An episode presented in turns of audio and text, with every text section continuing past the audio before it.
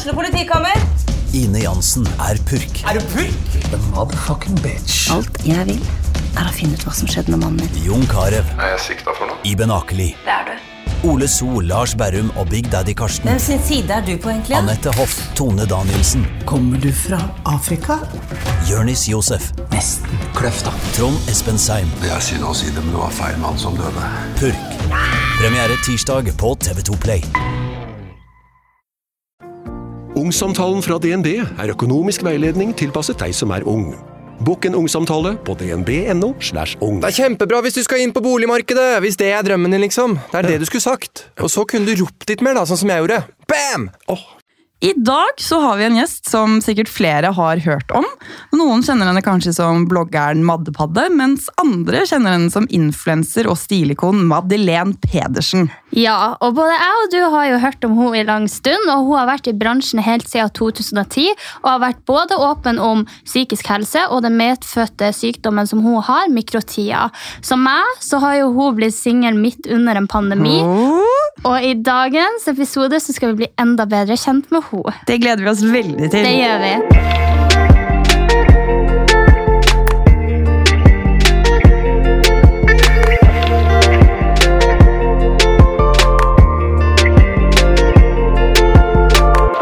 Velkommen til oss, Madeleine. Tusen takk. Veldig koselig å ha deg her. Og nå skal vi gjøre et lite ritual som vi har her, og det er å åpne en battery box. Som Ja. alltid så har Sofie åpnet sin først, og da er det oss. En, to, tre. Oi. Det er- skal mye øving til. Vi har øvd mye. Jeg kan si det. Ja, eller jeg har jo øvd mye, men skjønner fortsatt ikke prinsippet med at vi må vente. Så jeg klarer alltid å bare vi må kutte den introen der. Altså. Tror du? Ja. Men uh, Madeleine, først må jeg bare fortelle deg noe litt morsomt. For det her tenker jeg alltid på eh, at jeg egentlig må sende melding til ham. Fordi vi møttes jo på Elfest i 2017, Ja. og etter det så har vi hengt litt. Og én ting som har brent seg skikkelig fast uh, i min hjerne om deg, er at du elsker potet. Herregud. Så hver gang, hver gang jeg spiser fløtegratinerte poteter, får servert potet, et eller annet, eneste jeg tenker på er Madeleine elsker poteter. Vet du hva, Jeg forventa at hun skulle si noe helt annet nå, så jeg var dritredd nå. Men hver gang jeg får poteter, så tenker jeg på Madeleine. Og så tenker jeg, nå må jeg sende melding og, eller sende snap av at jeg spiser potet, fordi det syns Madeleine er digg. Og så ble jeg sånn, det skal jeg ikke gjøre. Nei, det, det tenker jeg er litt sånn rart. Bare sånn, Den gangen venninna di hører fra deg, er når du tar bilde av en potet. Så det er bare sånn, Men det skal sies, det er folk som gjør det. Ja, det er det! Vi skal ikke være en av dem. Eh, og jeg tenkte for å starte litt kjapt over her eh, Jeg kjenner deg jo fra bloggverden. Eh, Anja gjør jo også det, har kjent deg en god stund. Eh, jeg har bare visst hvem du har vært fordi at vi begynte å blogge på ish samme tid. Eh, og tenkte at vi skulle kjøre i gang med fem kjappe. Eh, så Er du nervøs? nå? Jeg er svett inni her. Liksom. det trenger det ikke å være. Eh, jeg lurer på om du har et kallenavn. Eh, Det er egentlig litt mye forskjellig, men vi kan si Maddepadde. Maddepadde. Savner du noen akkurat nå? Nei. Generelt bra eller dårlige dager?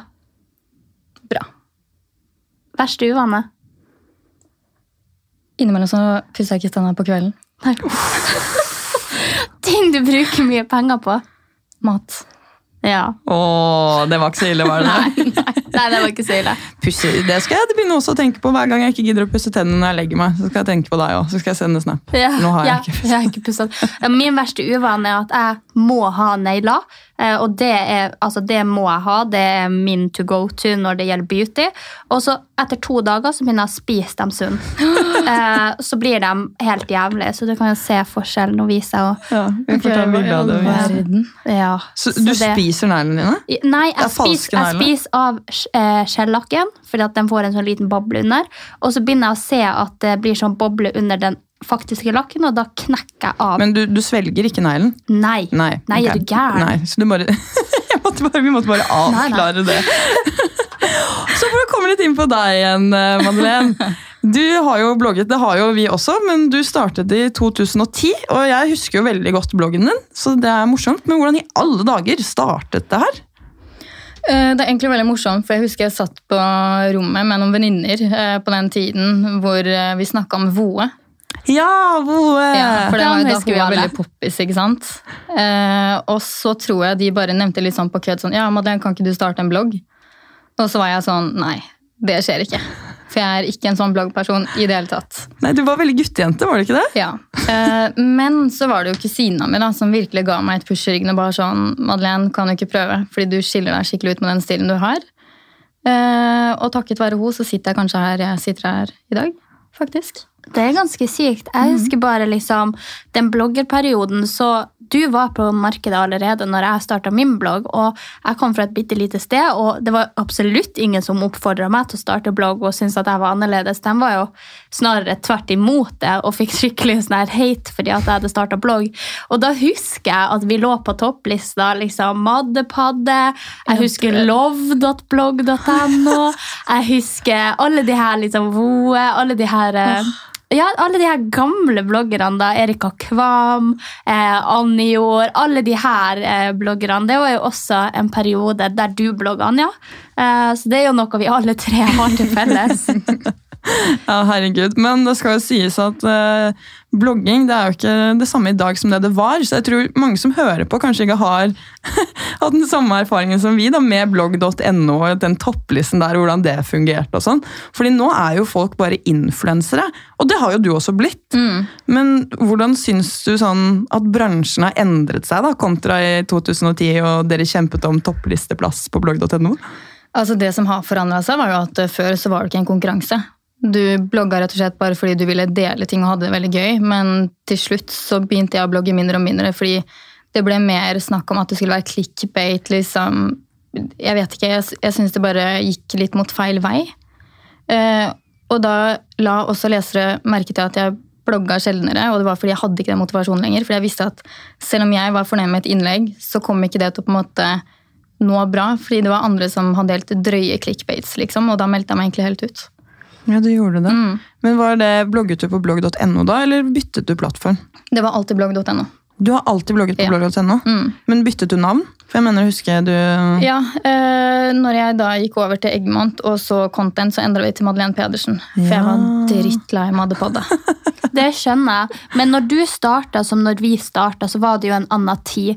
Eh, Mm. det her var en tid der det ikke fantes influensere, det var ikke penger i arbeidet, det var ikke eh, snakk om sponsorer eller event eller you name it. Det som folk gjør i dag for å nå opp til det. Jeg føler at de fleste som vil bli influensere i dag, gjør jo det pga. godene, pga. det de får hjem, pga. Eh, den høye lønna. Det er jo blitt et helt sinnssykt marked. Og jeg syns det er litt fascinerende at alle vi tre var i denne eh, bransjen før det var en bransje. Ja. Eh, og du har sikkert også kjent veldig mye på det at det har endra seg. Og hva syns du liksom om det å være i det før det ble greie, og på en måte være med i den evolusjonen til det det er i dag? Eh, Det morsomme er at Hvis noen hadde sagt til meg når jeg da var 15 år, når jeg starta, at uh, om ti år ish, Madeleine, så kommer det til å være events hvor du kommer til å måtte stå foran sykt mange mennesker og snakke med ukjente folk, så tror jeg jeg hadde takka fint nei. Eh, fordi det er noe jeg ikke trives med, fordi jeg er introvert. Som kanskje flest ikke egentlig vet. Fordi Nei. du er en offentlig person, så alle tror du bare er ekstrovert. da. Du elsker å på en måte være i søkelyset, men det er det jeg absolutt ikke liker. Men jeg tenker jo at kanskje det er en veldig fin ting for ungdommen nå for tida. Fordi ja, man snakker veldig mye om hvor negativt en skjerm og hvor negativt det å dele livene sine på sosiale medier er.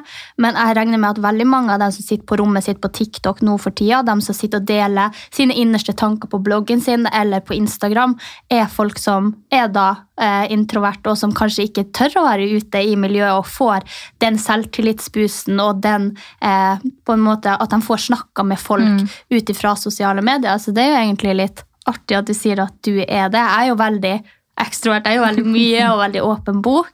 Eh, men jeg syns det er jo veldig fint at jeg også har hørt om deg og har kunnet blitt kjent med deg, selv om du helst eh, holder deg for deg sjøl, kanskje i Moss. Ja, nei, altså Det er vel kanskje egentlig derfor, fordi så å si alle jeg møter på her i Oslo, tror jeg bor i Oslo. Men jeg har egentlig alltid bodd i Moss. Bortsett fra da jeg fant meg en kjæreste som faktisk bodde her i Oslo, hvor jeg da på en måte var her mye mer. Eh, og det gjorde at jeg liksom var mer på events. Men nå som jeg flytta tilbake igjen til Moss for fullt, så er det helt annerledes om jeg måtte liksom virkelig tørre å dra meg inn til Oslo. Ja. Så jeg må liksom mentalt forberede meg på at liksom jeg skal møte mange folk. Jeg vet ikke om jeg kommer til å bli liksom outsideren på event eller ikke, men det er stort sett alltid jeg som er alene. Er det? Men Mm. du, når du går inn på det at du har bodd i Oslo når du hadde en kjæreste, så vil jo det kanskje si at det er tatt slutt? Ja, eh, det ble faktisk slutt i begynnelsen av korona, når den kom til Norge. Så i mars omtrent. I 20... Når var det? 20, 20, 2019. 2020? 2020, Mars kanskje. 2020, Herregud, altså, ja. Føles som korona har vart evig. Men uh, jeg ble i hvert fall singel da. Å, herregud. Mm. Så du har vært, var du singel hele perioden? Hele korona? Å, herre jesu. Hatt ei lita flørt, men eh, det, er, eh, det skal mye til for å sjarmere meg, og mye til for at jeg får følelser for en person. Ja, og det, jeg syns spesielt kanskje det har vært Jeg ble jo også singel under korona, men jeg hadde jo eh, kjæreste det første året med korona. Eh, og så fikk vi jo den veldig eh, nedstenginga da i januar, eh, begynnelsen på år 2021. Eh, da var jeg singel og syntes det var veldig vanskelig, for da hadde vi jeg skulle flytte ut i januar og fikk beskjed om at nå stenger vi ned Norge. Eh, Det er ikke lov med folk på besøk i det hele tatt. Eh, Det er ikke lov å møtes, og veldig mange i Norge er jo veldig pliktoppfyllende. eh, Og har jo ikke lyst til å gå imot de henvisningene som er. Men jeg kjente bare for min egen del at det her klarer jeg ikke. Jeg klarer ikke å gå gjennom et tøft brudd helt alene ja. i en helt egen leilighet, midt i mørketida, eh, uten noen rundt meg. Så jeg syns det var veldig vanskelig å bli singel i en sånn periode. Eh, For meg, Jeg skjønner akkurat hva du mener, fordi jeg er ikke en som nyter singellivet. Jeg er veldig forholdsjente. Eh, Jeg har basically kun vært på én date siden jeg ble singel. Oi! Ja. Ja. Det har ikke jeg. jeg data litt, men det, jeg er òg veldig forholdsjente. Men jeg føler at liksom, nå når jeg er singel, så er jeg bare sånn, nå skal jeg jaggu meg faktisk være singel. Mm. Fordi at jeg bodde i Finnmark og ikke hadde sjansen til å date. Så nå har jeg faktisk bare tatt meg i skinnet. Og bare sånn, nå skal jeg faktisk kose meg litt sjøl. Men hvis du er litt forholdsjente, eh, føler du ikke at du er litt sånn, pleier man ikke å være litt på let da? Etter kjæreste? Og, altså, er man ikke på let liksom, på date? Eller hvordan, hvordan dater du? Altså, Og hvordan dater du i korona? Greia er at jeg dater jo ikke, eh, og jeg vil heller ikke ha ting som Tinder. Det har jeg ikke hatt siden 2016. Eh, Jeg er ikke ute etter å finne en fuckboy. Og jeg føler uansett om jeg har Tinder eller om det så er Instagram, så kommer fuckboys etter det. Det er ikke kødd engang. Veldig sant. Tar du fine bilder på Instagram, så kommer de. Ja, kommer de smygende. Men eh, nei, det, det er vanskelig. Ja. Når ting har vært helt nedstengt òg, så er det jo ikke mulig å på en måte møte noen ute på byen heller. Så ikke at det på en måte har påvirka meg, men som sagt, jeg vil helst ikke være singel. Nei. Nei. Mm. Men, hvordan, men hva, er liksom, hva er ditt råd til å møte Det vil jeg gjerne høre. Hva er ditt eh, råd til å møte de her ikke-fuckboysene? da? Hvor er det du møter dem og eh, dater dem? For du sier du har vært på én date. Hvordan er det du liksom Eh, han jeg var på date med, var faktisk nå i sommer. Eh, det var fordi han er en venn av en venn. Så det er på en måte sånn jeg føler at liksom, han her ville ikke på en måte typ blitt anbefalt, det høres helt sinnssykt, men han ville ikke blitt anbefalt dersom han var en fuckboy. da. Nei. Eh, og det er kanskje den søteste og fineste daten jeg har hatt sånn noensinne. Åh, det Ja. Det, var, det var ikke noe galt med han i det hele tatt, men det bare, jeg føler ikke at det klaffa. Nei. Men det er vanskelig, det også, da.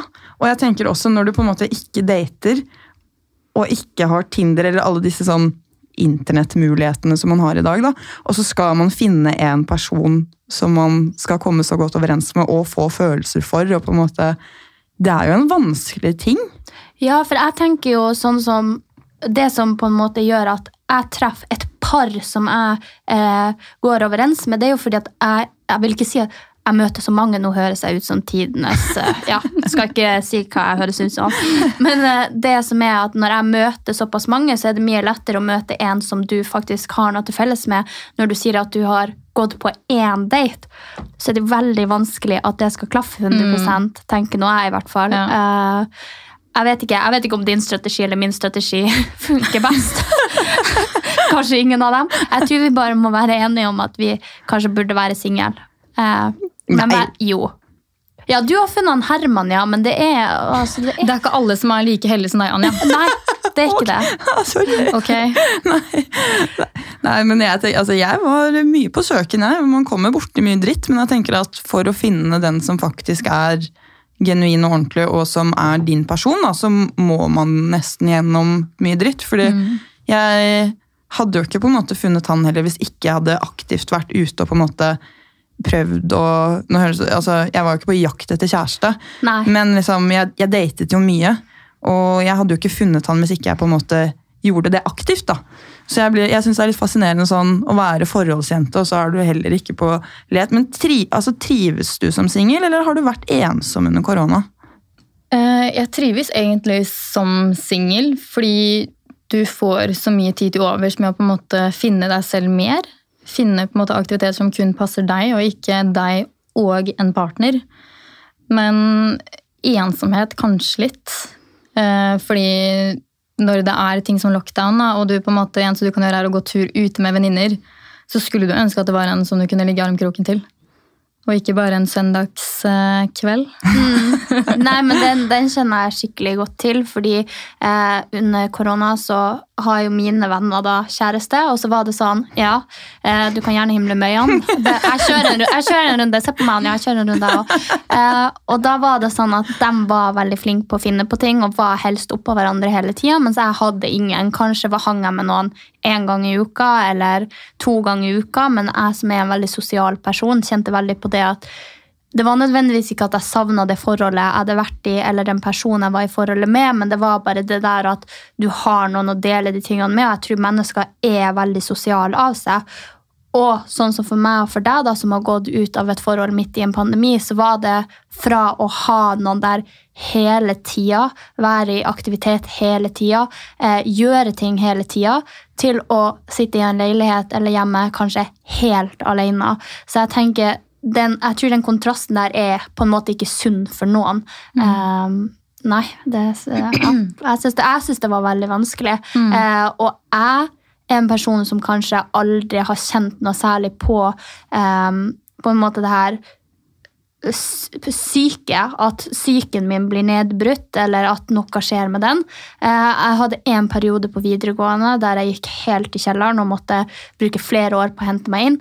Etter det, og før det, bare ha det fint. Og vi har jo da fått et spørsmål, eh, og du er jo veldig personlig på din blogg og på din Instagram kontra meg som bare deler alt. Ikke personlig, mener du vel? Up altså Ja, privat? Ja, privat. Ja, ikke- ja eh, du er veldig privat. Eh, og eh, vi fikk et spørsmål, og jeg, jeg vet både at jeg og Anja bare sånn tenkte at ja, men det har jo ikke skjedd. Eh, og så stilte vi deg da det her spørsmålet om det er noe vi kan prate om, og du sa at det her er noe du også har slitt med, selv om du ikke deler så private ting på dine medier. Um, først så setter jeg pris på at folk faktisk husker det lille jeg har delt av ting som er personlig. Fordi grunnen til at jeg er såpass privat, er fordi når jeg hadde blogg Unnskyld. eh, Så var jeg veldig personlig. Til og med gjennom min første kjæreste. Og jeg forsto at det var kanskje det dummeste jeg kunne gjøre, fordi det ramma meg så hardt etter hvert når det kom til på en måte utroskap og masse sånne ting som skjedde underveis. Eh, Så jeg eh, lukka meg egentlig fullstendig. Etter hvert så slutta jeg å blogge fordi jeg ville ikke dele noe som helst. Jeg ville ikke at ukjente personer skulle kjenne meg i det hele tatt. Og da Ikke at det tok knekken på meg, men da er det på en måte som om folk tror det er en sykt overfladisk person. Mm. Og det er jeg overhodet ikke. Når Nei. man møter meg, da. Nei, for det, jeg vet ikke, dem som er der ute og som sikkert har slitt psykisk, så kan det jo virke krenkende når folk vet ting om deg, og så på en måte ikke misbruke det, men eh, det er veldig sårt når folk spør deg eller nevner ting eh, om deg som du kanskje ikke vil snakke om akkurat da. Følte du noe på det at når du delte noe som var så privat, og som du har sagt at du er litt introvert, så visste folk kanskje for mye om deg til at du var komfortabel med det? Ja, det er jo, Du beskriver det jo veldig fint der, fordi det er jo akkurat sånn jeg har følt eh, også egentlig føler det. Um, men samtidig så er det en sånn fin ting med å åpne seg. Jeg er jo kjempelett for at jeg for får gjøre det nå. Men jeg føler meg bare ikke komfortabel nok med å bare gjøre det til en skjerm lenger. Nei. For jeg er ikke sånn som liker å få sympati ut av det blå fra folk jeg ikke kjenner. Jeg Masse hjerter på story, Ja. ja. ja, ikke sant. Det er sånn, det er fint, men det er ikke en sånn type trøst jeg får noe ut av. Nei. Det er kanskje litt fælt å si, men jeg vet ikke om det bare er fordi jeg er skorpion, eller hva det er. Nei, men Det blir jo på en måte litt sånn overfladisk. Jeg tror både jeg og Anja har følt på det. at når Du deler jo også en del om psykisk helse på din eh, story, og du har vært veldig åpen og ærlig om eh, hva du har gått igjennom, og din spiseforstyrrelse. Og det er jo ofte at folk bare slenger på tre hjerter eller skriver en liten beskjed, og da får du på en måte sånn her Åh, det var ikke det jeg ville. liksom. Jeg vil dele for å være åpen, jeg vil ikke dele for å få sympati. Eh, Ja, jeg skjønner veldig godt hva du mener. Jeg syns jo det er ekstremt hyggelig, og de fleste som skriver med meg, er jo sånn De forteller om ting selv også, så man kan ha en samtale om samme problematikk. Og det hjelper jo meg veldig mye, men en jeg ikke har snakket med på liksom to måneder, som sender noen hjerter og sånn, det er jo hyggelig at man viser at man bryr seg, men man skjønner at det ikke er genuint. Altså må sitte og ha en dyp og lang samtale med noen som faktisk ordentlig vil eh, forstå alle tankene og følelsene dine. Da. Og det er jo litt sånn, Man deler jo som regel de tankene og følelsene med den nærmeste. Og jeg merket jo veldig godt da ting stengte ned, at jeg ble jo veldig dårlig av det. eh, Og ble, ja, fikk tilbakefall, da. Men merket du noe til det? Fordi du har jo du har vært deprimert, og så har du hatt en spiseforstyrrelse. Ja, um, i Herregud, jeg vet ikke hva som skjer med stemmen min. Vi har sittet og hostet i studio, Ja. alle mann her, så uh, Men nei, i 2014 um, så begynte det å gå litt dårlig i et forhold, samtidig som litt uh, problemer på privaten. Og egentlig litt sånn personlige problemer med meg selv. At jeg etter hvert eh, Jeg vet ikke hvordan det skjedde, men plutselig bare sto jeg der med spiseforstyrrelser og veide sinnssykt lite. Eh, og det varte i skal vi se, to år. Og under de to åra, i 2015, ble jeg da også deprimert. Eh, og ble sykemeldt fra jobben fordi legen sa jeg var ikke i stand til å jobbe. Fordi det endte med at jeg ringte legen fordi jeg kjente at det var noe galt. Jeg klarte ikke å slutte å gråte. Jeg ville ikke ut av rommet. Jeg, det føltes som hele verden var imot meg, fordi på et tidspunkt så virka det sånn. Eh, og jeg bare visste ikke hvordan jeg skulle håndtere det, for jeg klarte heller ikke å snakke åpent om det med verken venner eller familie. Og når jeg da ble hastesendt inn til legen, så satt jeg på liksom det venterommet. Jeg satt og hulka, og liksom alle syntes jeg bare sånn Hva faen er det som er galt med henne? Jeg klarte ikke å styre det, og jeg er en som ikke gråter lett. Jeg liker å skjule det. Og jeg satt inne med legen, og han sa liksom rett ut bare sånn Du må få hjelp. Du kan ikke være på jobb, så jeg må sykemelde deg. Og jeg, det var litt deilig å få det bekrefta. Men ja, for samtidig hvordan, hvordan var det å få en sånn beskjed? Fordi at du sier at du ikke hadde snakka med folk rundt deg, og ikke hadde snakka med venner. Og det å på en måte, når, når du er introvert og sitter og hulker og griner, og så går du inn til en lege som er en ukjent, som forteller deg at du, her er det noe gærent. Var Mm. det en sånn oppvekker for deg, eller visste du på en måte hva som var gærent når du gikk dit? Altså, jeg vet at jeg var trist, men jeg tror ikke jeg forsto liksom hva forskjellen på å være trist og være deprimert. Nei. Før en lege faktisk sa det til meg. Eh, og det var egentlig sykt befriende å vite at eh, jeg er deprimert. Istedenfor at liksom bare ta deg sammen, det går over. Mm. Men at det faktisk var sånn du må ta deg en pause. Mm. Så jeg tror det egentlig var akkurat det jeg trengte å høre. Hva var, hva var eh, Husker du, eller du vet jo sikkert forskjellen på det å være trist og å være deprimert. Eh, husker du hva han sa til deg? Han sa ikke noe sånn spesifikt, for jeg klarte nesten ikke å få meg noe som helst, for jeg satt og gråt hele tiden. For meg. Eh, Men han sa bare at han skulle skrive ut med en gang, og at jeg måtte komme meg fort på senteret jeg jobba på der og da, og levere den sykemeldinga med en gang. Fordi jeg skulle ikke jobbe en dag til. Åh, jeg kjenner liksom bare fordi jeg husker min veldig dårlige periode var jeg måtte flytte. Vi, vi må det i Finnmark, så må man flytte hjemmefra når man var 16. Og først var man jo bare sånn Yes! Fest! Jeg bestemmer over meg sjøl. Dritkult. Men du er jo et lite barn, liksom, og så skal du, du skal jobbe på sida ha nok til på en måte livets opphold. Du skal ha skole, eh, lekser, eh, du skal lage maten din sjøl, eh, du skal vaske leiligheter og rydde og vaske klær. Og hadde tid til å være sosial i tillegg til å trene. Så jeg fikk liksom ingenting til å gå Mm. opp. Eh, og jeg er en person som har veldig stort behov av å slappe av og sove. Fikk ikke tid til det heller, så jeg ble jo også kjempedeprimert uh, i den perioden. Men det er egentlig eneste gangen uh, jeg har kjent på det, og det er fordi at det er så mye som spiller inn en rolle. og ut ifra det du forteller nå, så virker det som at det var så mye som skjedde på samme eh, periode Mm. som gjorde at du på en måte fikk den knekken. Eh, hvordan syns du det var å ha den knekken, og hvordan klarte du å jobbe deg opp til å ikke, altså ikke være på den plassen igjen? Hva var det du gjorde for deg sjøl under den perioden der? Det jeg gjorde for meg sjøl, var å egentlig rett og slett bli ferdig med en som var veldig toxic. Og det var eh, en av mine ekser. Ja. Um, det var så mye som ikke stemte, men jeg, jeg har alltid vært veldig sånn rettferdig. sånn Folk kan si at en person er utro, men hvis det ikke er noe bevis, så tror jeg ikke på det. Men det er kanskje den største feilen jeg gjorde i det forholdet. Det var det, ja. Ja. Ja, jeg tror de fleste har vært gjennom utroskap kanskje en eller to eller tre ganger. Eh, hvordan var det for deg? Hadde, det, hadde du fått For vi, både jeg og du og Anja, er jo offentlige personer. Og det er jo veldig lett for oss kontra eh, Nå tar jeg hermetegn ikke offentlige personer. Å få beskjed om at noen er utro. Fordi folk leser kanskje gjerne bloggen vår eller er inne på Instagrammen vår og vet veldig godt at vi er et forhold, for det har vi posta bilder av. La, la, la. Eh, da får man jo som regel meldinger. Eh, folk som sier til deg på byen 'Ja, så han', og sånn. Så eh, hvordan var det for deg? Hadde du hørt det her mange ganger før du på en måte fant ut at det her stemte? Eh, altså, det er egentlig helt sykt å si, men de ryktene tror jeg varte i ett eller to år. Oi. Men jeg kontakta jentene og spurte har dette skjedd, og de løy meg rett opp i trynet. Ja, for de er jo Um, selvfølgelig livredde. Ja. Um, så det som egentlig var det verste, var jo at eh, mange trodde jo at det hadde blitt slutt mellom oss. Fordi jeg og min eks tenkte at eh, det ville bli bedre om vi holdt det skjult. At dere var jo- kjærester? Ja, fordi det var så mye rykter som strømma. Og jeg tenkte sånn, ok, men da er det ikke sant. Så jeg trodde for at vi skulle da redde et forhold som egentlig ikke var eksisterende, så skulle vi da heller på en måte prøve å ha det fint i hemmelighet.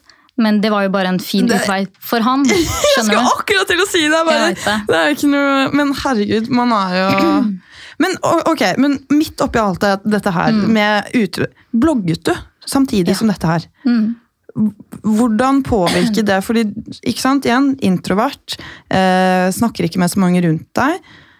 Skrev du noe om det på bloggen? Og da du ble sykemeldt, altså, fortsatte du å blogge? Eller hvordan altså, Visste folk hva som foregikk?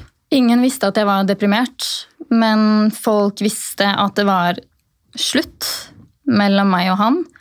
Eh, For det var en spørsmålsrunde hvor en person stilte spørsmål om det var slutt mellom meg og min daværende kjæreste. Og da sa jeg ja. Var dere slutta eller ikke? Nei. Nei, dere var ikke det. Så man kan jo på en måte pent enkelt si at jeg var jævlig naiv. Det var min første forelskelse. Jeg tenkte virkelig at liksom, det her varer livet ut. Men det gjorde det bare lett for han å da finne seg noe nye, og det gjorde han jo gang på gang på gang. Eh, Folk opplever kanskje utroskap én gang i et forhold. Jeg vet ikke antall, fordi det er mange. Men hvordan var det? Altså, så han sin kjæreste og en han elska, så han den depresjonen, og så fortsatte han? Eller eh, var det her før den kicka i gang? Eh, har han liksom fortsatt For du, du var sammen med han eh, eh, samme periode som du var deprimert. Jeg eh, var typ deprimert. Selv om jeg var sykemeldt en liten stund fra jobb, så kom jeg jo tilbake igjen. Så den depresjonen forsvant jo gradvis, men spiseforstyrrelsen var der fortsatt. helt frem til 2016. Og tre dager før 2016 så fikk jeg melding av en av de jentene han hadde vært utro mot. Eh, hvor hun skrev at alt du har hørt, er sant. Beklager. Ja, nå fikk jeg Eh, frysninger. Ja. ja, og samme dag skulle han til meg. Eh, Det visste jo ingen, nesten, bortsett fra mine nærmeste venninner. Eh, For vi, vi hang jo fortsatt. Vi var jo på en måte Jeg vil ikke si at vi hadde det like fint så vi kunne kalle oss kjærester, men jeg trodde vi skulle prøve å finne ut av det. Eh, Skulle lage nachos, og så får jeg den meldinga. Går ned til mamma og pappa og sier at jeg har fått bekrefta, ikke bare fra én nå, men jeg har sendt melding til en annen som jeg husker han nevnte veldig mye, eh, om at uh, han har vært utro. Så jeg kommer til å gjøre det slutt. Så jeg tok jo han med opp på rommet. Han ante ingenting. Setter meg ned, jeg lukker døra, og han snur seg mot meg og bare sier nei, det her gidder jeg ikke. Så han kunne se på øynene mine at jeg visste det. Å, herregud. Mm. Og, ja, og han, han gidder ikke. Det der syns jeg er så jævlig av gutta. Og hvis du er en gutt som har gjort det her tidligere, fuck you på ordentlig. Fordi hvis du har baller nok til å være utro med noen, og hvis du har baller nok til å eh, på en måte utføre en annen smerte eh, Jeg kan skjønne eh, hva som går gjennom et hode, men hvis du ikke er ærlig med din partner eh, og sier at det her har skjedd, eh, tar han igjen av hvilke følelser du har for han, åpenbart har han holdt deg i skyggen, eh, og du får vite det, så det minste de kan gjøre, er å sitte der og høre på din versjon, eh, hvor kjipt du har hatt det, hva det her har utført hos deg. For jeg tenker at det er så mange jenter som jeg møter i det samfunnet vi lever i nå, som har det der på ryggen, eh, og som har gått gjennom spiseforstyrrelser, vært deprimert, eh, klarer ikke å stole på, på sine neste kjærester, som har trust issues, og som bærer det her med seg i lang, lang periode etter det å, at det blir slutt, og at du har vært utro, fordi at det gjør så mye med psyken til en person. så det aller minste du kan gjøre, er å sitte der og høre på deres historie for å vite hvor mye det her har såra og skada en person. fordi at da er det større sannsynlighet for at du ikke gjør det igjen. Han her høres jo ut som en Tidenes dusj. Ja, så han tror jeg kanskje ikke hadde endra seg uansett, men at han bare snudde seg Og det, det er så narsissistisk og så, Altså, det minner meg bare om en narsissist, Mm. fordi han anerkjenner ikke dine følelser og ditt perspektiv. Han er bare opptatt av seg sjøl og sin egen følelse, og det spiller liksom ikke noen rolle hva du har å si. Altså, det blir jo veldig mye negativt snakk om akkurat han, men det skal sies at han var en perfekt kjæreste på veldig mange måter. Han var den, og jeg trengte han på veldig mange grunner. Men han gjorde også det verste man kunne gjøre. Eh, og eneste, grunnen, eller eneste måten jeg fikk på en måte sagt vi er ferdige, du har vært utro mot ho, ho, ho, ho, var at jeg måtte låse døra på rommet mitt, ta ut nøkkelen. Det var måten For å holde jeg- han inn på rommet? For å holde han inne. Så jeg sperra han inne fordi jeg mente at jeg hadde rett til å vite hvorfor han hadde gjort det, hvem han hadde gjort med. Men det er det jeg føler mange også ikke gir. da, fordi den, Når man sitter igjen i en sånn situasjon, så har man jo ekstremt mange spørsmål. Eh, og at man på en måte Jeg føler at veldig mange ikke gidder å ta den samtalen heller. Fordi jeg hadde vært sånn Hvorfor har du gjort dette? Hva er galt med meg? Kunne jeg gjort noe annerledes? Er hun bedre enn meg på noen som helst måte? Og da vil man ha de svarene, og selv om man kanskje ikke helt vet hvorfor man har gjort det selv, så sånn som du sier da, så man skylder partneren sin Mm. den samtalen. Ja, og så kjenner jeg liksom at no, hvis du ikke får de svarene der, så er det mer skadelig. For at hadde jeg fått hørt akkurat grunnene til det, så er det også grunnlag for meg å jobbe med de tingene. Har jeg gjort Eller tenke at han er en dritt. Ja, ja, men, men liksom, her er det jo Nå skal jeg si, jeg ble veldig irritert, men det er alltid to sider av en sak. Vi Mhm. har ikke hørt hans side, eh, så man kan på en måte ikke judge på, på grunnlag av det. Og jeg tenker at det er to personer i et forhold, men jeg syns bare man skylder partneren sin den grunnen der, da. fordi at da kan man sjøl velge om den er relevant eller ikke. For min del så tar jeg gjerne imot kritikk og endrer meg deretter dersom jeg har gjort noe feil. Eh, men det er jo opp til meg da å se ok, men har jeg skyld i det her eller ikke. Eh, og som regel så vil du jo ikke ha det, men det som jeg tenker er så dumt, når du da ikke tar, får ha den samtalen der med eh, personen du har vært sammen med, så klandrer du deg sjøl og setter spørsmålstegn på deg sjøl på alt du gjør, alt du er. Eh, fordi at har du gitt hele deg sjøl til en person, og de har vært dritt mot deg tilbake i form av utroskap eller i form av å være narsissistisk eller i form av å eh, bryte deg ned som menneske, så, så går du ut av det forholdet uten å svare på det og begynner å plukke deg sjøl Mm. fra hverandre. Og jeg tenker det er så viktig å ha den samtalen der eh, når man slår opp, sånn at man på en måte kan komme seg videre sjøl også. For Og ja, det. det er greit at det blir slutt, men da skal det være slutt på den linja der, og at man har hatt den samtalen. Mm. Eh, Jeg syns det verste med å gå ut av et forhold, og det har jeg gjort nest, jeg tror faktisk alle gangene, eh, uten å få hatt den ordentlige samtalen der på slutten, og det gjør skikkelig vondt. Mm. Men jeg tenker at også det er viktig, for jeg tenker sånn her at uh, hvis man får hvis man har denne samtalen og får prakka på seg all feil man har gjort også, hvis man har vært sammen med, nå, snakker ikke jeg om ditt tilfelle, Madeleine, men hvis man har vært sammen med en som har narsissistiske trekk, eller er ikke en snill person, så kan jo den også finne på å skylde på deg uten at det egentlig er din feil. Og da blir det litt farlig å ta til seg alt den personen sier. Fordi noen, i sikkert få tilfeller, forhåpentligvis, kommer til å prøve å bryte seg ned og snu det om til at det er din feil. Ja, de fleste vil jo sikkert gjøre det, men jeg tenker at den samtalen der burde man ha uansett. Fordi at eh, ja, så kan de prakke så mye de vil, men jeg kjenner at jeg hadde jo gått i forsvarsmodus hvis noen hadde sagt det, eh, og hvis jeg syntes at det var feil grunnlag. Men bare det å få snakka om det, da.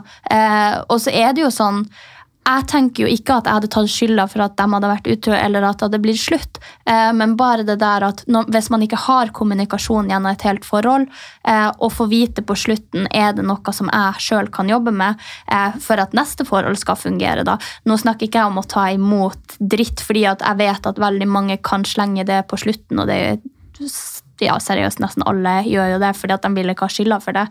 Men, eh, men jeg synes uansett når man avslutter noe som i sikkert ditt tilfelle har vart i flere år, så er det liksom det der med en avslutning, en avrunding og en forklaring på hvorfor ting ble som de ble, da. Men hvordan syns du en sånn situasjon påvirket selvtilliten din? Kjenner du igjen det Sofie snakket om, liksom å plukke fra seg Ja, ja, virkelig. Og jeg kjenner jo også hva du mener, eh, Anja, med at eh, en person snur det om til å være din feil. Mm. For jeg ble jo bare kalt naiv og paranoid av den personen som egentlig hadde vært utro. Ja, helt så man blir litt sånn, Nå er det min feil, plutselig. Men eh, det jeg kjente mest på, var at uh, bare for å få det sagt, nå var på en måte depresjonen vekk. Eh, men så blir du jo jævlig lei deg, da. Mm. Uh, tenker det er tre dager til den nyttårsaften, som du egentlig skal feire med familie, venninner, generelt venner, ha det dritfett, gå inn i et nytt år. Jeg klarte ingenting. Jeg låste meg inn på rommet. Mamma og pappa hadde besøk av noen venner i stua.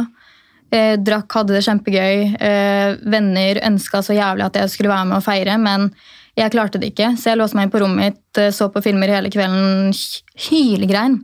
Eh, Og egentlig bare så på fyrverkeri ut fra vinduet mitt, liksom. Jeg klarte ikke å på en måte ta meg sammen før jeg plutselig bare våkna en dag, jeg tror kanskje det var i februar, hvor jeg bare var sånn Vet du hva, nå må jeg liksom ta meg sammen, nå må jeg komme meg opp i vekt igjen, fordi jeg hadde jo fortsatt spiseforstyrrelser. Mm. Eh, og da klarte jeg å legge på meg sykt mye på under et halvt år.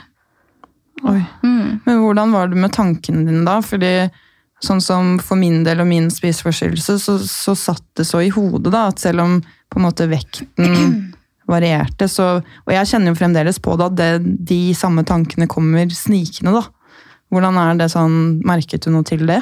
Eh, For meg så er det bare sånn kort sagt Jeg eh, hadde aldri lyst til å ha spiseforstyrrelser. Jeg forsto ikke at jeg hadde det før det var over. Ehm, og det var liksom, Jeg spiste fortsatt mat, men jeg var så lei meg hele tiden at mat var på en måte det siste jeg tenkte på. For jeg ville bare ligge og gråte. Ehm, men selv nå i dag så har jeg et litt sånn anstrengt forhold til mat. Ikke fordi jeg ikke vil spise, men hvis jeg eksempel er på en fotoshoot en hel dag, eh, og jeg kommer hjem og kunne ha rukket å få spist to måltider Første jeg gjør, er å veie meg, og jeg har veldig høy forbrenning. Så jeg kan fort gå ned 1-2 kilo på en dag hvis jeg ikke spiser nok.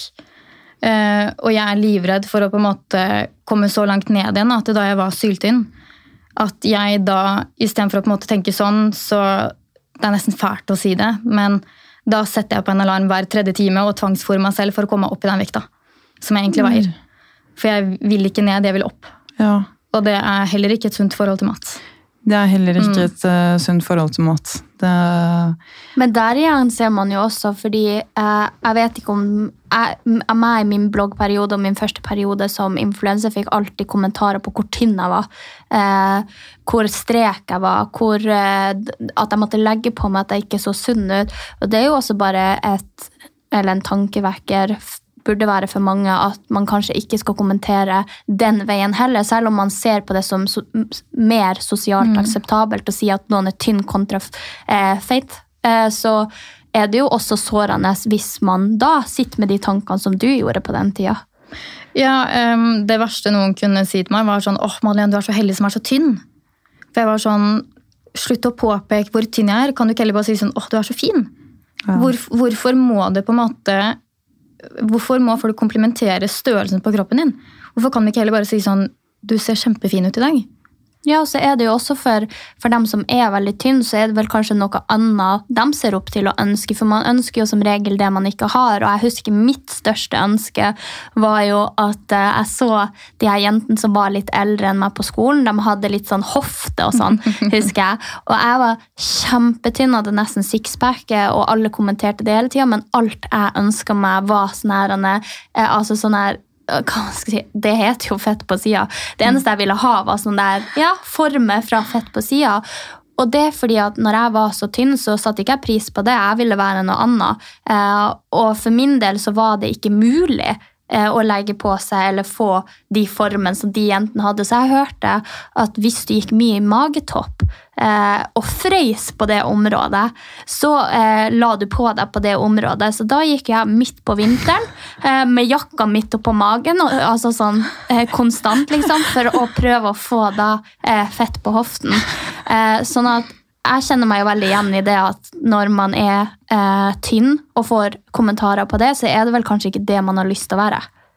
Shit, det er veldig sånn Det, det her er jo så rart for meg å sitte og høre, som har vært sånn på andre siden av spekteret. ikke sant? Det er, jeg, jeg syns, jeg, fordi jeg blir jo helt sånn jeg kan, jeg kan ikke, Som dere sikkert ikke kan liksom skjønne at det er mulig for min del, så, så forstår ikke jeg det. Og jeg hadde jo sikkert sett deg, Sofie, hvis, altså i den perioden jeg var syk, hvis du gikk med magetopp midt på vinteren.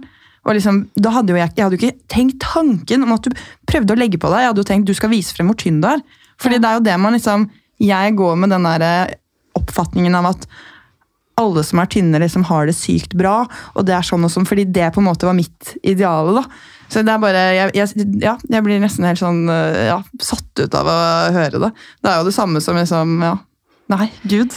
Ja, og så husker jeg Det som var kanskje verst for meg på den tida, var når jeg skulle ta navlepiercing. Eh, og så sa de til meg på det studioet du har ikke nok fett til å ta eh, navlepiercing. Eh, og jeg ble jo så lei meg, for alle jentene sto i kø for å ta, liksom, og alle fikk tatt, og jeg syntes jo det var så fint. Jeg eh, husker at jeg sleit veldig mye med, med magen min og sånt på den tida, og hadde jo veldig lyst på navlepiercing, og de bare sånn Men vi kan kanskje ta nede på det. Og da ble jo jeg annerledes enn alle andre, for alle andre fikk jo oppe og kunne ha sånne som heng. Eh, dere vet de der hengepiercingene med masse kule ting, så de satt alltid og bestilte sånt, og så hadde jo bare jeg den kula og kunne jo ikke bytte fra den. Så jeg tror at man skal være veldig påpasselig på å kommentere kropp generelt, fordi at du kan tenke at noen bare er smashing og så fin, og det kan du si. Du kan si 'Å, herregud, du ser bra ut', men bare det der å kommentere noe som at du er så tynn, eller 'oi, har du lagt på deg', det eh, Enten eller så syns jeg det burde være like lite akseptert, for du vet ikke hva personen du sier det til, går igjennom. Det er, øh, det er veldig sant. Men sånn, Madeleine, sånn, bare for å være kort inne på det, da, sånn, når vi snakker om dette med selvtillit og kroppsspill og alt. Du er jo født med en sykdom som heter mikrotia. Sier jeg det riktig? Ja, mikrotia. Mikrotia. Det har vi sittet og diskutert. Hvordan sier man det? Microtia. Du kan si mikroti, og du kan si mikrotia. Ja. Mm. Kan du bare, sånn, for de som ikke vet hva det er, forklare kjapt hva det er? Det er en medfødt eh, lidelse hvor du rett og slett ikke er ferdig utviklet i magen til moren din.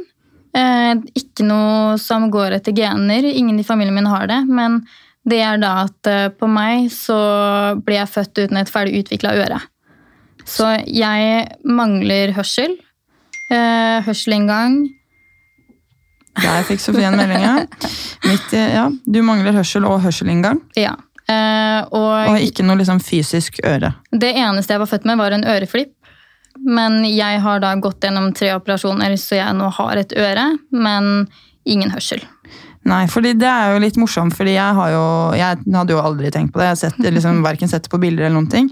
Og når vi plutselig går i gass, bare du, jeg må bare bytte side, for jeg hører ikke hva du sier, så jeg må gå på andre siden av deg. Og jeg bare Hæ? Hvorfor det? Nei, nei, det øret der funker ikke. Det er bare det her som funker. Der øret funker. Men er mikrotida, kan du da bli eh, født med noe annet, da? At du er underutvikla på en annen måte? Eh, altså Det er jo folk som er født med bare en arm, men det er ikke det samme for mikrotia er på en måte fysisk eh, utover øret. Ja, ok. Em, du kan bli født med kun ett øre, eller du kan mangle begge ører. Og eh, normalt sett så går det også utover ansiktsformen din. At den er veldig asymmetrisk. Veldig skeiv. Men det er jo si. ikke din. Nei, jeg skulle akkurat, det, Du er jo veldig symmetrisk. Ja. Nja, øh, egentlig ikke. Eh, Men eh, jeg er veldig heldig med hvordan mitt ansikt ser ut da, i forhold til veldig mange andre som er mer uheldige, som får det liksom mye kraftigere. da. Så alt i alt så har jeg vært veldig heldig. Mm. Gikk det noe utover? For at, som vi var inne på, så kjente jeg meg unormal for at jeg var tynn og ikke kunne gjøre de samme tingene som andre. Har, har du på noe vis følt at det har gått utover deg og din selvtillit på skolen og sånn? Eh, absolutt. Jeg hadde bevisst langt hår for å skjule. Du hadde det, ja? Hadde aldri hår opp. Nei, for jeg husker ditt lange hår. Mm, Det er en av de få tingene jeg husker fra det, og også stilen din. Jeg husker jeg, husker jeg brukte av og til å kopiere når du hadde sånne, altså sånne skjørt og sånn. Eh, husker dere de lange bomullsskjørtene som var så populært? Og Nei, fy faen. Jo. Altså. Mm. Så nei. Det har vært en utvikling eh, der, Ja, Madeleine. det er eh, enda godt. Men hvordan syns du det er i dag, da? Er det på en måte blitt bedre? Er det blitt en del av deg? Klarer du å på en måte akseptere det, eller synes du det er, tenker du ikke over det? Tenker du stil nå, eller mikrotida? Nei, nå tenkte jeg mikrotida. men be, be, klarer du å akseptere hvordan stilen din var før, eller? Nei, altså, det er jo noe jeg helt ærlig skal si at jeg alltid kommer til å slite med. Ja. Um, det går ikke bort. Eh, for bevisst, hvis noen senere kommer til å gå inn på Instagram-profilen min, så ser de at jeg aldri legger ut selfies eller bilder fra den siden. Jeg snur meg alltid bevisst mot høyre, fordi det er mitt venstre som funker. Eller er liksom som det skal være. Ehm, men når det også kommer til generelt dating, så blir jeg litt sånn Det trigger litt. Ja. For jeg blir litt sånn Jeg legger fort merke til når folk ser på øret. Ja. Men er det noe du da på en måte tar opp raskt, eller eh, altså spør folk, eller hvordan har du gjort det tidligere? Eller er det derfor du ikke dater så mye? Det, Det er jo litt av grunnen. fordi man blir jo litt sånn, altså Hvor ofte har for dere da vært på date med en som sier sånn Du, sorry, ass, jeg hører bare på ett øre fordi jeg mangler et øre. Aldri, ikke sant? Nei, ikke akkurat det, men jeg, for min del hadde jeg hørt det, så hadde jo jeg syntes personen var litt kulere. Ja, jeg hadde blitt mer interessert. Ja, fordi at jeg føler liksom at hvis du er såpass kul, åpen og ærlig, akkurat sånn som du sa det nå, så hadde jeg bare syntes at det var litt gøy. Jeg hadde bare tenkt at denne personen på en måte klarer å ta noe på sin kappe. Eh, og jeg har jo eh, gått på bryting i seks år, eh, og det har ikke noe med saken å gjøre, men jeg husker altså at eh, folk alltid sa til meg ja, men du har jo ikke bryterøra. Så jeg var bare sånn Ja, sånn er det med Men- blomkål. Ja, men det er veldig morsomt at du sier, fordi to ganger på under en måned i sommer, så var det én gutt og én jente som spurte sånn «Eh, Driver du med sånn eh, eh, Hva heter det? Sånn kampsport. Bryting. kampsport? Ja. Og jeg er bare sånn eh, Hæ? Jeg har faen ikke muskler i armene engang. Og de bare Nei, jeg er på glad i øret. Jeg er bare sånn Å ja, jeg skulle faen meg nesten sagt ja. Ja, ja for det, det det, det, det, jeg tenkte Ja, ja, at du kunne skylde på. Du bare sånn, nei, jeg har vært bry, bare Dra den helt ut og bare være lettis. Du bare sånn, nei, jeg har vært bryter i syv år. Jeg har vunnet norgesmesterskap og sånn. Det er bare rett og slett Vet du ikke hvem jeg er? Ja, vet du ikke, Har du aldri hørt om meg? De kaller meg maddepadde, liksom. For en grunn. Ikke sant? Nei, men det er jo årsaken til at jeg begynner å trene litt mer armer nå. da. Fordi Ja. Det er jo morsomt å faktisk kunne liksom dra litt langt med en sånn type joke. da. Men ehm, det kan jo, det å bare høre på et øre kan jo være litt sånn problematisk når man faktisk er ute på byen. fordi hvis en gutt sitter på min høyre side, så hører ikke jeg hva han sier. Så da snur jo jeg meg mot den, og da kan de fortsatt tro at jeg da skal gå inn for et kyss. Og jeg er veldig sånn socially awkward. Så det blir på en måte fullstendig krise. Kysser du da, eller Nei, lurer du dem da, da trekker man litt an bare sånn, å ja, sorry, jeg hører bare på ett øre. Og da blir de helt sånn herre hva faen? Fordi da går de inn for kysset, liksom? Å nei, å nei, å nei, å nei, å nei. Så det har vært noen av dem. Men det er jo, sorry, men sånn, sånn der syns jeg er litt artig historie. Ja. For det er, jo litt, det er jo litt artig å ha sånne historier. Jeg syns det er litt cute. Ja, jeg synes også det er veldig cute. Du kan begynne å bruke det som sjekketrikk. Som hvis du syns en er kjekk, ikke sant? så setter du deg sånn at han er på din høyre side, og så må du snu deg, ikke sant? og så går han inn for kysset, men han tror du kysser. Så Ja, hvis jeg er gira Ah, da, så går jeg bare inn, ikke sant? ja, det, her har vi en Og, strategi. og, og hvis, hvis noen noen gang trekker seg unna deg, så sier du bare sånn Nei, du, jeg hører ikke på det øret. Så det var rett, jeg snudde meg egentlig rett og slett bare for å høre hva du sa.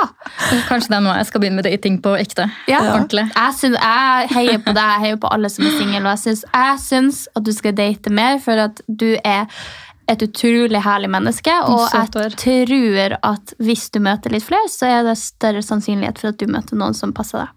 Ja, jeg tenker jo at Du må kysse mange frosker før du treffer prinsen. Ja, er det ikke det man sier? Eller mange padder, i ditt felle. Ja, mhm. mange, mange padder blir det i mitt tilfelle. Først var jeg bare sånn den, den var god, Sofie. Den var, den var bra. Den skal du ha for. Nei, jeg tror vi runder av der. Det har vært Ja. skikkelig hyggelig å ha deg i studio, Madeleine. Veldig koselig. Det har vært dødsgøy. Ja. Det er veldig, veldig gøy. Kom igjen. Ja, Vi øh, satser på at vi får sånn oppdatering øh, om datinglivet ditt fremover, så kanskje du får dratt på en date til, i hvert fall. Vi får aktivt gå inn for dating, og så får vi ha litt sånn her, den der ukentlig oppdatering. Vi skal kjøre en i slutten av året. Hvordan har det gått? Men Sofie, du kan bare sende alle datene dine til Madeleine, ikke sant? Ja, så du kan dele bare de to. videre. Ja, fordi at da hvis det er noe som jeg ikke går overens med, så sender jeg det. Du, toget til Moss går om la oss se, 45 minutter. Jeg har en annen som eh, gjerne kunne tenkt seg å date deg. Der har vi en god plan. Ja. Ja, det høres bra. veldig flott ut. Ja. Og da snakkes vi, alle dere som har hørt på. Tusen takk for at dere ville høre på. ja. Og vi poddes som alltid hver mandag. Neste uke ses vi. Det gjør vi. Ha det!